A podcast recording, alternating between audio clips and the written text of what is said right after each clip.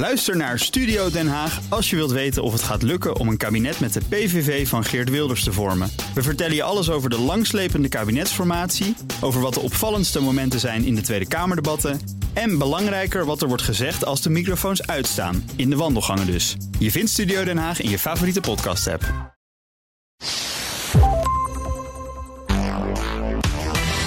Welkom bij de Ben Tigelaar podcast bij BNR, de podcast over persoonlijk leiderschap.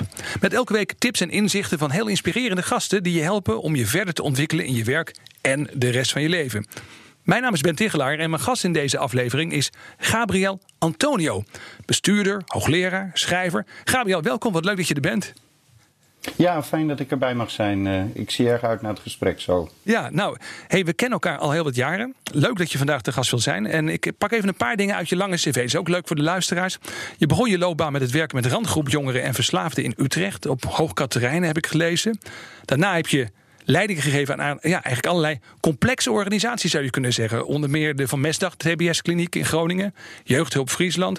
En nu ben je voorzitter van de Raad van Bestuur van Verslavingszorg Noord-Nederland. Dat zeg ik goed, hè? Dat is wat je nu, wat eigenlijk je hoofdtaak is, zou je kunnen zeggen. Ja, mijn uh, hoofdtaak, mijn hoofdfunctie is uh, bestuurder in de verslavingszorg. Eh, VNN heet het, Verslavingszorg Noord-Nederland. Ja. nou ja, en daarnaast nog, en dan, dan, maakt dan wordt het wel weer een optelsom. Dan denk je, jongen zeg, uh, bijzonder hoogleraar in de sociologie van leiderschap, organisaties en duurzaamheid aan de Rijksuniversiteit Groningen. Uh, lector aan de NHL Stenden Hogeschool in Leeuwarden. En dan schrijf je ook nog allerlei boeken. Want dit jaar verscheen het Zwitsers zakmes van de leider. Ik vond het een heel nuchter, heel praktisch boek over leiderschap. En dan ben je ook nog getrouwd, vader van twee kinderen. En dan woon je ook nog een keer in Drachten. Slaap je wel eens? Ja hoor, ik eh, moet wel bekennen dat ik niet zo heel veel slaap uh, nodig heb. Maar ik heb een, uh, een mooi vol bestaan, maar geen stress. Gewoon rustig doorbuffelen, dan kom je vanzelf aan je doelen toe. Rustig doorbuffelen, oké, dat is mooi gezegd. Hey, ik heb een openingsvraag die eigenlijk bij de meeste gasten hetzelfde is. En ook bij jou. Wat heb jij nou in je loopbaan geleerd in de afgelopen jaren waarvan je zegt... dat heeft mij nou echt geholpen? een mooi inzicht, een ervaring, iets wat jou persoonlijk heeft veranderd? Ja, als ik dat zo even heel kort mag uh, delen. Het was nog in de tijd dat ik bij uh, de stichting Timon in Utrecht uh, werkte. Randgroep jongerenwerk. deed ja. veel werk op Hoog Katerijnen. En ik liep een keer helemaal blij en enthousiast met mezelf over Hoog Katerijnen. En ik dacht, wat heb ik toch een geweldige dag gehad. En ik dacht ook stiekem, wat ben ik eigenlijk wel een goede hulpverlener. En ik had nog wat boterhammen met pindakaas over. En ik dacht, ach, er ligt nog zo'n zwerver. Ik zie hem hier al elke dag liggen. Ik geef mijn boterhammen met pindakaas aan die man. Want ik was zo druk met jongeren bezig dat ik een deel van mijn lunch had uh, overgeslagen. Ja. Ik loop naar die man, ik bied mijn boterham en pindakaas aan en hij wijst mij af. Mijn goede gevoel verdween, ik voelde me afgewezen en ik was ook wel een beetje boos. Ja. Ik drong drie keer aan, hij bleef me afwijzen. En toen liep ik door en toen dacht ik, wat ben ik eigenlijk doen? Ik geef mijn lef te overgeven aan die man en dan moet je ook nog dankbaar zijn. Ja. Wat ik toen bedacht, ik had toen nog niet zoveel geld. Ik heb nog wat lekkere uh, patatjes en een broodje en zo gekocht. Ben opnieuw naar die man gegaan. En ik zei, zullen we samen even picknicken? En toen ging ik naast hem op de grond zitten. Het was vies, vuil. Hij rook naar urine. Hij zag er echt niet uit. Van die lange nagels en vieze handen. En uh, ik bood hem een broodje aan. En ik begon zo'n beetje te praten. En ik wilde een hap nemen. Toen zei hij, gaan we even wachten. We gaan wel eerst even bidden voor het eten. Vond ik een prachtige interventie. En uh, hij deed op zijn manier een soort onze vadergebed. En toen hebben we een fantastisch gesprek gehad. Ik heb contact opgebouwd, ja. dagen daarna. En via het leger des Heils hebben we vervolgens uh, hem onderdak kunnen verschaffen. Wat leerde ik daar? Ja, nou, vertel het even. Ja, dit is, dit is een, nou ja, sowieso verhaal. Als ik er naar luister, denk ik al, wauw, er zitten heel veel lessen in. Maar wat heb jij eruit gehaald? Lessen, ja. Wat leerde ik daar? Om uit die verticale kolom te stappen. Niet van boven naar beneden iets aanbieden. En dan ook nog verwachten dat iemand dankbaar is. Maar afdalen, aansluiten en samen co-creëren. Ja. En leiderschap is in mijn leven steeds meer geworden co-creëren en steeds minder top-down. Ja, dus wees afda afdalen, afdalen, aansluiten en, en co-creëren. Ja. Zegt, dat is eigenlijk ook een les die je nu nog in je leiderschap, het werk dat je nu doet, echt toepast. Ja, ja klopt. En dat zie je toch heel vaak als wij onder druk staan, ook als bestuurders of managers. Dan uh, willen we macht gaan gebruiken. En dan zeggen we ook we moeten kort aan de bal. En dan gebruiken we ja. dat soort taal. Slaan we de vuist op tafel, vergroot, precies. Ja. ja. En macht vergroot vaak het probleem. Mensen worden bang, uh, mensen gaan hun mond houden. Terwijl als je afdaalt, uh, mensen uitdaagt, uitnodigt, dan kom je veel met dat co-creëren. Maak je intelligentie los, talenten los. Mensen gaan eigenaarschap laten zien. En mijn ervaring is dat je veel verder komt als je dat gaat doen. Afdalen, aansluiten en samen co-creëren. Dat heb ik van deze man geleerd. Ja, prachtig. Prachtige les. Hoewel ik denk dat heel veel mensen die aan leiderschap denken, bij het woord afdalen zoiets hebben. Ja, dat is toch. eh, Als je, leider, als je leiding geeft, dan stijg je dus. Ja, dat is een beetje de eerste gedachte. Dan stijg je juist. Maar jij zegt het moet echt andersom. Ja, ik denk dat daar ook de vergissing zit. Dat mensen denken dat leiderschap heel erg in een verticale kolom zit. Dat heeft misschien wel met carrière, salaris en andere dingen te maken. Ja. Maar als je echt in een organisatie, en zeker in een publieke organisatie, maar ook in een commerciële organisatie, samen op wilt trekken, dan moet je investeren in die horizontale dimensie. En dan kan het niet anders dan dat je uit je kantoor, uit je comfortzone stapt en je, en je verbindt met de mensen die dagelijks werk doen. Ja, ja, en dat is een les die jij dus al heel vroeg hebt geleerd. Dat is mooi om dat, om dat te horen. Eh, laten we eens even kijken naar je werk, je boeken, je ideeën. Je hebt eigenlijk al een hele hoop. Je hebt misschien al wel een beetje de grondslag van je ideeën al, al prijsgegeven. Maar je hebt eh, recent een leuk boek geschreven. Dat heet eh, Het Zwitserse zakmes van de leider. En eh, daarin zeg je, als leider heb je eigenlijk allerlei verschillende opties vaak om zaken aan te pakken. En daarbij gebruik je dus dat bekende rode zakmes met al die verschillende instrumenten erin. Dat gebruik je een beetje als metafoor. Kun je iets vertellen over het boek? Bijvoorbeeld eh, nou ja, dat, dat, de kurkentrekker of het grote mes of het kleine mes wat erin zit. Wat is dat in jouw optiek? Waar, waar staat dat voor? Ja, even het zakmes dat staat voor dat je als je voor een moeilijke of een uitdagende situatie staat, dat je minimaal tien opties hebt. En de elfde optie is even niks doen. En wat ik heel vaak zie, is dat één functie in het leven van iemand helemaal versleten is. En de rest helaas onbenut in het zakmes dicht blijven. Nou, als we dan even naar een paar functies gaan. Eh, het grote mes is natuurlijk bekend, even met flinke halen en snel thuis. Maar er zit bijvoorbeeld ook een tandenstoker in. Ja, En een tandenstoker staat wat mij betreft symbool voor eerst even een irritatie in je eigen leven oplossen. Voordat je met een team of met een collega in gesprek wil om voorwaarts te gaan. ja ik las in het Met boek, je zegt, woorden? je zegt dat onzichtbare obstakels in jezelf verwijderen. Ja. Dat is ook iets wat soms moet gebeuren. Ja, want soms begin je aan een vergadering of je start een werkgroep en dan heb je al ergernis. Het is eerder mislukt, er zit nog wat oud zeer, er zit een collega met wie je nog wat uit te knobbelen hebt. Dat moet je eerst opruimen. Als je het niet goed hebt nu, kom je nooit daar. Ja. Dus het investeren in het nu begint ook met dat je irritaties en eventueel blokkades of beelden die je hebt over iemand, dat je die opruimt. Ja. En daar is het tandenstoker het eh, symbool van. En zo heb je dus nou ja, meerdere symbolen, tien in ieder geval in dit, in dit boek. Allerlei verschillende dingen die je dus als leider kunt doen. En je zegt eigenlijk de grote les is, er zijn altijd meer manieren om naar een situatie te kijken. Eh, Wel moeilijk, denk ik, in de praktijk. Hoe, hoe zorg jij dat je ook niet zelf in de valkuil trapt, dat je vaak hetzelfde doet? Ja, dat begint toch dat ik mezelf elke keer moet vermanen en tegen mezelf moet zeggen: ik moet beginnen met de O-vraag. Dat is een diep wetenschappelijke vraag. O, Oh, de O-vraag, de verwonderingsvraag. ja. En dat ik niet al het plaatje invul. Dat ik denk, oh, we hebben een werkgroepje, dat gaan we even zo doen. En zo gaan we de vergadering inrichten. Oh ja, en die kan dit goed en die kan dat goed. Maar dat ik eerst eens zeg, we hebben een opdracht. En we moeten een product opleveren, een businessplan maken of een case uitwerken. ja. En dat ik allereerst de vraag stel, wat hebben we eigenlijk aan boord? Hoe zullen we het met elkaar doen? Dus eerst openmaken. Ja. En dan ontstaat er vaak iets heel bijzonders. Dan zie je ineens talenten verschijnen en mensen doen iets eh, in de pot, zeg maar. Eh, en dat kun je er later weer uithalen. In plaats van meteen hup je instrumenten inzetten vanuit de vooringenomenheid. Dus veel meer het leven ook terug laten praten en co-creëren. Ja. Dus heel voorzichtig zijn om meteen hup één functie van het zakmes open te klappen en er eh, tegenaan te gaan. Dat vind ik echt een gevleugeld woord van jou. We hebben elkaar wel vaker gesproken. En, en dat, dat, die notie dat het leven terugpraat, dat vind ik een hele mooi. Dat heeft mij ook enorm geraakt. Kun je nog eens uitleggen wat je daar precies mee bedoelt? Ja, dat, ehm, we denken vaak bij leiderschap is dat we naar het leven toe moeten praten. En je kan ook nog een cursus volgen hoe je heel gevat en mooie dingen vanaf het podium kan doen. Daar is op zich allemaal niks mis mee. Maar wij moeten co-creëren. En, en de oefening die ik elke keer leer, je kan wel van alles willen, van alles zeggen. Allerlei sturingsmechanismen en lean en scrummen. En allerlei dingen willen invoeren. Op zich in de basis allemaal niks mis mee. Maar uiteindelijk praat het leven terug en dan stoot je af en toe je neus. Of er ontstaat ineens een werkend perspectief. En een van de levenslessen die ik telkens weer leer, dat is van een van mijn kinderen. Ik heb twee fantastische kinderen, een mooie dochter, een geweldige zoon. Mijn zoon is autistisch, heeft geen taalontwikkeling.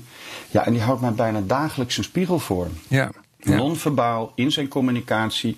Bijvoorbeeld als ik heel druk ben en wat gespannen ben en een volle agenda heb. Dan gaat hij voor me staan, doet hij de vingers in de oren. Hij neemt die spanning waar En dan denk ik, oh ja, Gabriel, als ik straks het gesprek heb met die collega, ja. dan doet hij misschien ook niet zichtbaar de vingers in de oren. Want ik ben druk, ik kijk om me heen, ik ben met mijn papier aan het rommelen, zit op mijn telefoon te kijken. Gabriel, even rust. En vanuit die rust kan ik weer in de ooststand komen. En kan ik op zoek gaan waarin we kunnen co-creëren. Ja, ik begreep ook, uh, je zei tegen mij eh, toen we van tevoren er even over hadden, over dit gesprek, een paar dingen aan het voorbereiden waren, dat je ook bezig bent om een boek te schrijven over de levenslessen die je van jouw zoon hebt geleerd. Ja, ik moet wel zeggen, hij is, uh, hij is mijn coach. Hij functioneert op het leeftijdsniveau van een kind van drie. Er zijn allemaal psychiaters en die hebben er onderzoek naar gedaan. Hij heeft geen taalontwikkelingen, verstandelijke beperkingen. Wat heb ik veel van deze lieve jongen geleerd. En ik heb af en toe op het podium of in een training wat verteld. En toen zeiden mensen, Gabriel, kun je die verhalen ook losmaken van een cursus of een college en gewoon op zichzelf laten staan? Dan doe je hem nog meer recht. En zo is het idee geboren. Tien levenslessen die ik leerde van mijn bijzondere zoon. En dat boek komt uh, halverwege oktober uit en dat wil ik graag delen. Maar ook andere ouders aanmoedigen, bemoedigen. Ja. Om niet bij de pakken neer te zitten als je een ander kind hebt. Want het is ook een verrijking naast de zorgen en soms ook het verdriet wat je hebt ook een verrijking voor je leven en dat van anderen. Ja, ik heb een keer ook iets van jou gelezen waarin je ook aangeeft dat, dat als we kijken naar mensen met een beperking, zeg maar, zeker een verstandelijke beperking ook, dat we vaak ons niet realiseren dat ze vaak hele mooie dingen in andere mensen boven brengen. En dat we dat, uh, ja, dat we dat vaak over het hoofd zien. Ik vond dat een hele mooie observatie. Ja, ja, mijn zoon heeft in die zin ook een hele belangrijke taak en, uh, en rol in het leven. Zoals hij mij regelmatig stilzet. En ik herinner me een situatie nog niet zo lang geleden dat hij notabene naar een moslima toe liep.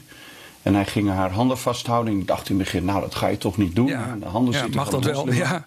Mag dat wel? Kan dat wel? En toen begon ze te huilen. En toen zei ze, wat bijzonder. God stuurt soms mensen, hè? Toen zei ik, oh. En toen zei ze, ja, mijn broertje is net overleden en ik ben heel verdrietig. En wat mooi dat er even iemand naar me toe komt, zomaar, uit het publiek, om mij even vast te houden.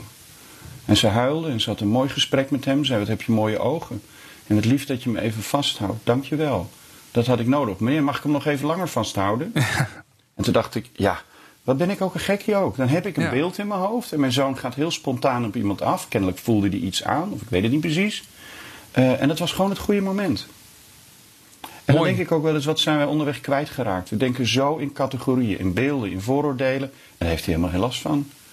Hij werkt gewoon op basis van zijn intuïtie en op basis van wat hij waarneemt. En daar speelt hij op in. Ja, ja prachtig. En, en, en heel leerzaam dus ook. Ja, ja. Ik, ik vind het wel bijzonder, want je, je bent dus, ja, je, je vaderschap speelt dus in deze zin ook een hele belangrijke rol. En de ervaring die je net over, waar je net over vertelde, op Hoog Katerijnen. Het zijn hele uh, indringende levenservaringen en levenslessen waar je over spreekt. Maar daarnaast ben je tegelijkertijd ook wel bestuurder met een grote organisatie. Je bent hoogleraar. Wat, wat is de verbindende lijn tussen al die dingen? Ik heb altijd het gevoel als ik met jou praat dat er een soort rode draad door al die activiteiten loopt. Die, die uh, ja, ik kan het niet precies verwoorden. Dat kun jij waarschijnlijk veel beter. Wat, wat is dat? Wat is die intentie of dat gevoel of dat fundament wat eronder ligt? Ja, dat zal ik twee dingen zeggen. Allereerst even heel kort iets over mijn visie en missie. Ik heb daar heel lang aan gewerkt. Die staat al 25 jaar al langer als meer dan een rots. En mijn visie en missie samengevat is het volgende. Ik, Gabriel Antonio, geloof dat de mens bedoeld is om rechtop te lopen. En ik wil mijn leven inzetten zodat mensen rechtop kunnen lopen en de vernedering voorbij kunnen zijn. En om die reden heb ik in de jeugdzorg gewerkt, in de jeugdgevangenis, in de TBS-kliniek en nu in de verslavingszorg.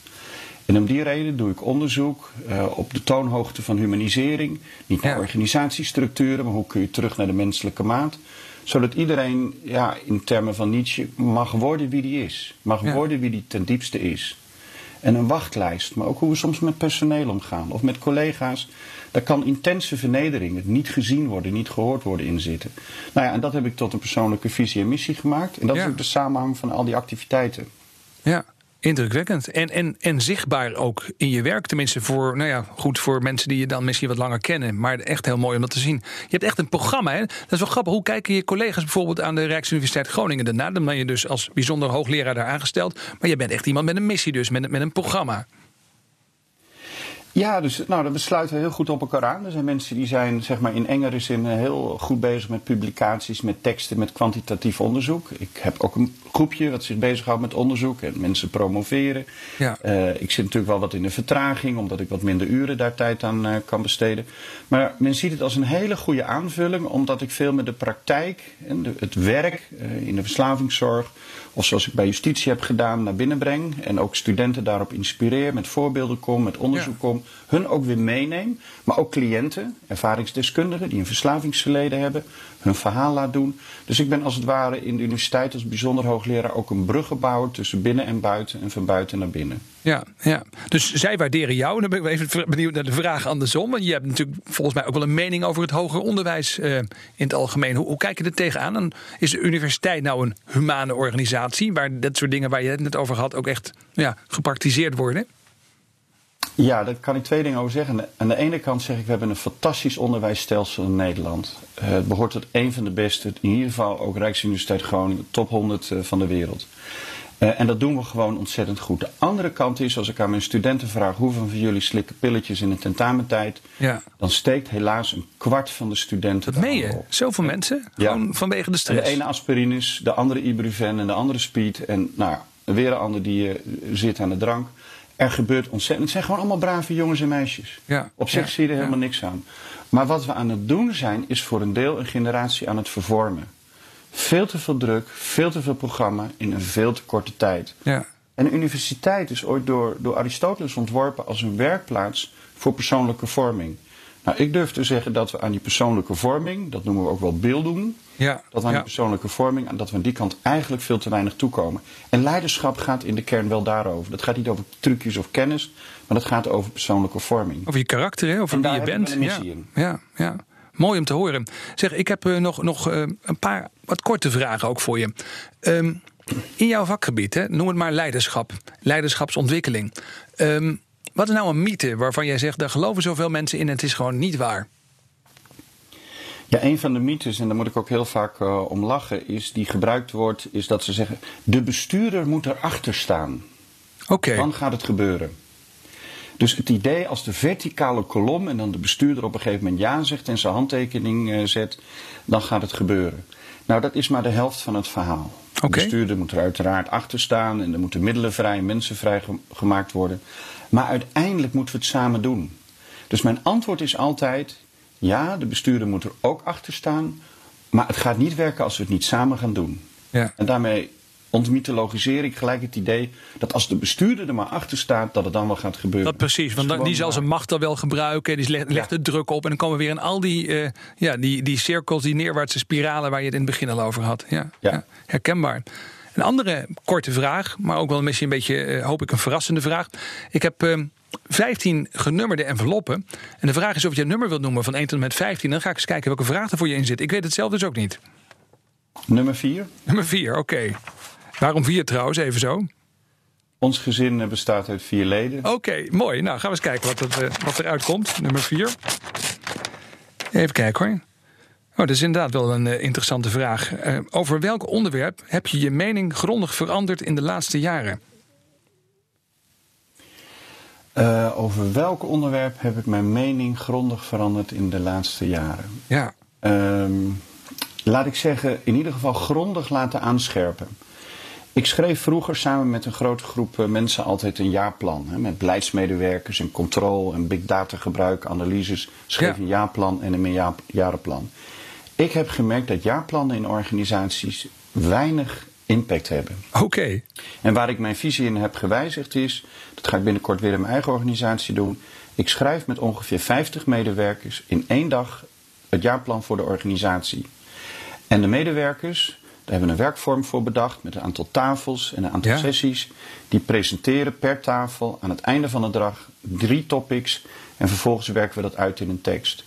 En vervolgens krijgt elke medewerker een kaart waar die topics op staat. En dan schrijft die medewerker zijn individuele jaarplan. Wat kom je halen en wat kom je brengen. Wow. Dus ik ben afgestapt van het idee om aan de bovenkant een visie en missie en een jaarplan in elkaar uh, te knutselen. Met mooie teksten en wat foto's. Maar om het van binnenuit en met elkaar te schrijven. En dan gaat het werken. Dat is echt co-creatie in de praktijk. Ja, ja. Heel interessant. Zeg, en is dat iets wat je zelf hebt ontwikkeld gewoon in de loop van de tijd? Heb je het ergens gelezen? Heb je het ergens opgedaan? Heb je het samen bedacht, deze aanpak? Uh, het leven praat terug. Toen ik uh, in de verslavingszorg in Noord-Nederland begon, uh, zaten we echt die organisatie in slecht weer met een paar miljoen ja. tekort. En ik moest dan mensen ontslaan. En ik dacht, ik weet het niet meer. En ik ben mensen gaan uitnodigen, grote groepen mensen, en gezegd, ik weet het niet meer. Ik moet een plan uitvoeren, maar ik geloof er niet in. En toen zeiden de medewerkers, maar betrek ons er dan bij. Samen hebben we een nieuw reorganisatieplan geschreven. Ja. Een prachtig en goed idee. En ik kan ook zien in 2015 in plaats van rood schrijven we al uh, zwarte cijfers. En toen is het idee geboren om niet alleen bij een reorganisatie, maar altijd ja. het jaarplan te schrijven met mensen die, nou ja, we geven dan zeg maar vrijkaartjes, we organiseren een jaarplandag met zo'n 50 medewerkers. Het wordt goed door een, uh, een uh, aantal mensen begeleid, zodat er ook een beetje structuur in zit. Ja. Uh, en dan laten we de, de thema's van binnenuit ontstaan en het werkt gewoon fantastisch. Ja, mooi zeg. Mooie, een hele praktische les. Ook iets wat je gewoon, als je dit hoort, van, waarvan je kunt denken, laten we dat ook, laten we dat ook eens proberen.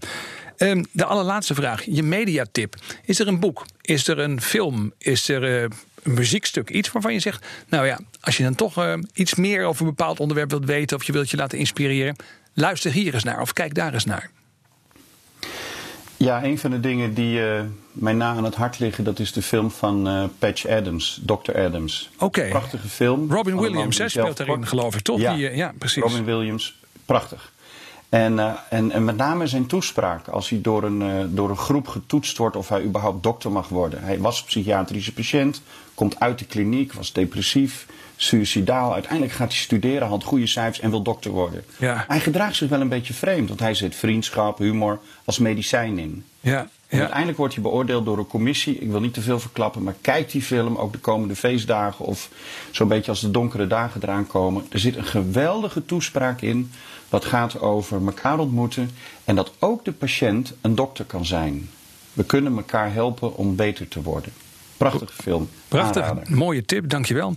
Nou, ik, ja, ik kan je alleen maar bedanken, Gabriel. Ontzettend leuk dat je uh, te gast wilde zijn. Gabriel Antonio. Dit was de Ben Tichelaar podcast bij BNR met als gast Gabriel Antonio. Vond je dit interessant? Check dan ook de andere podcasts op www.bnr.nl slash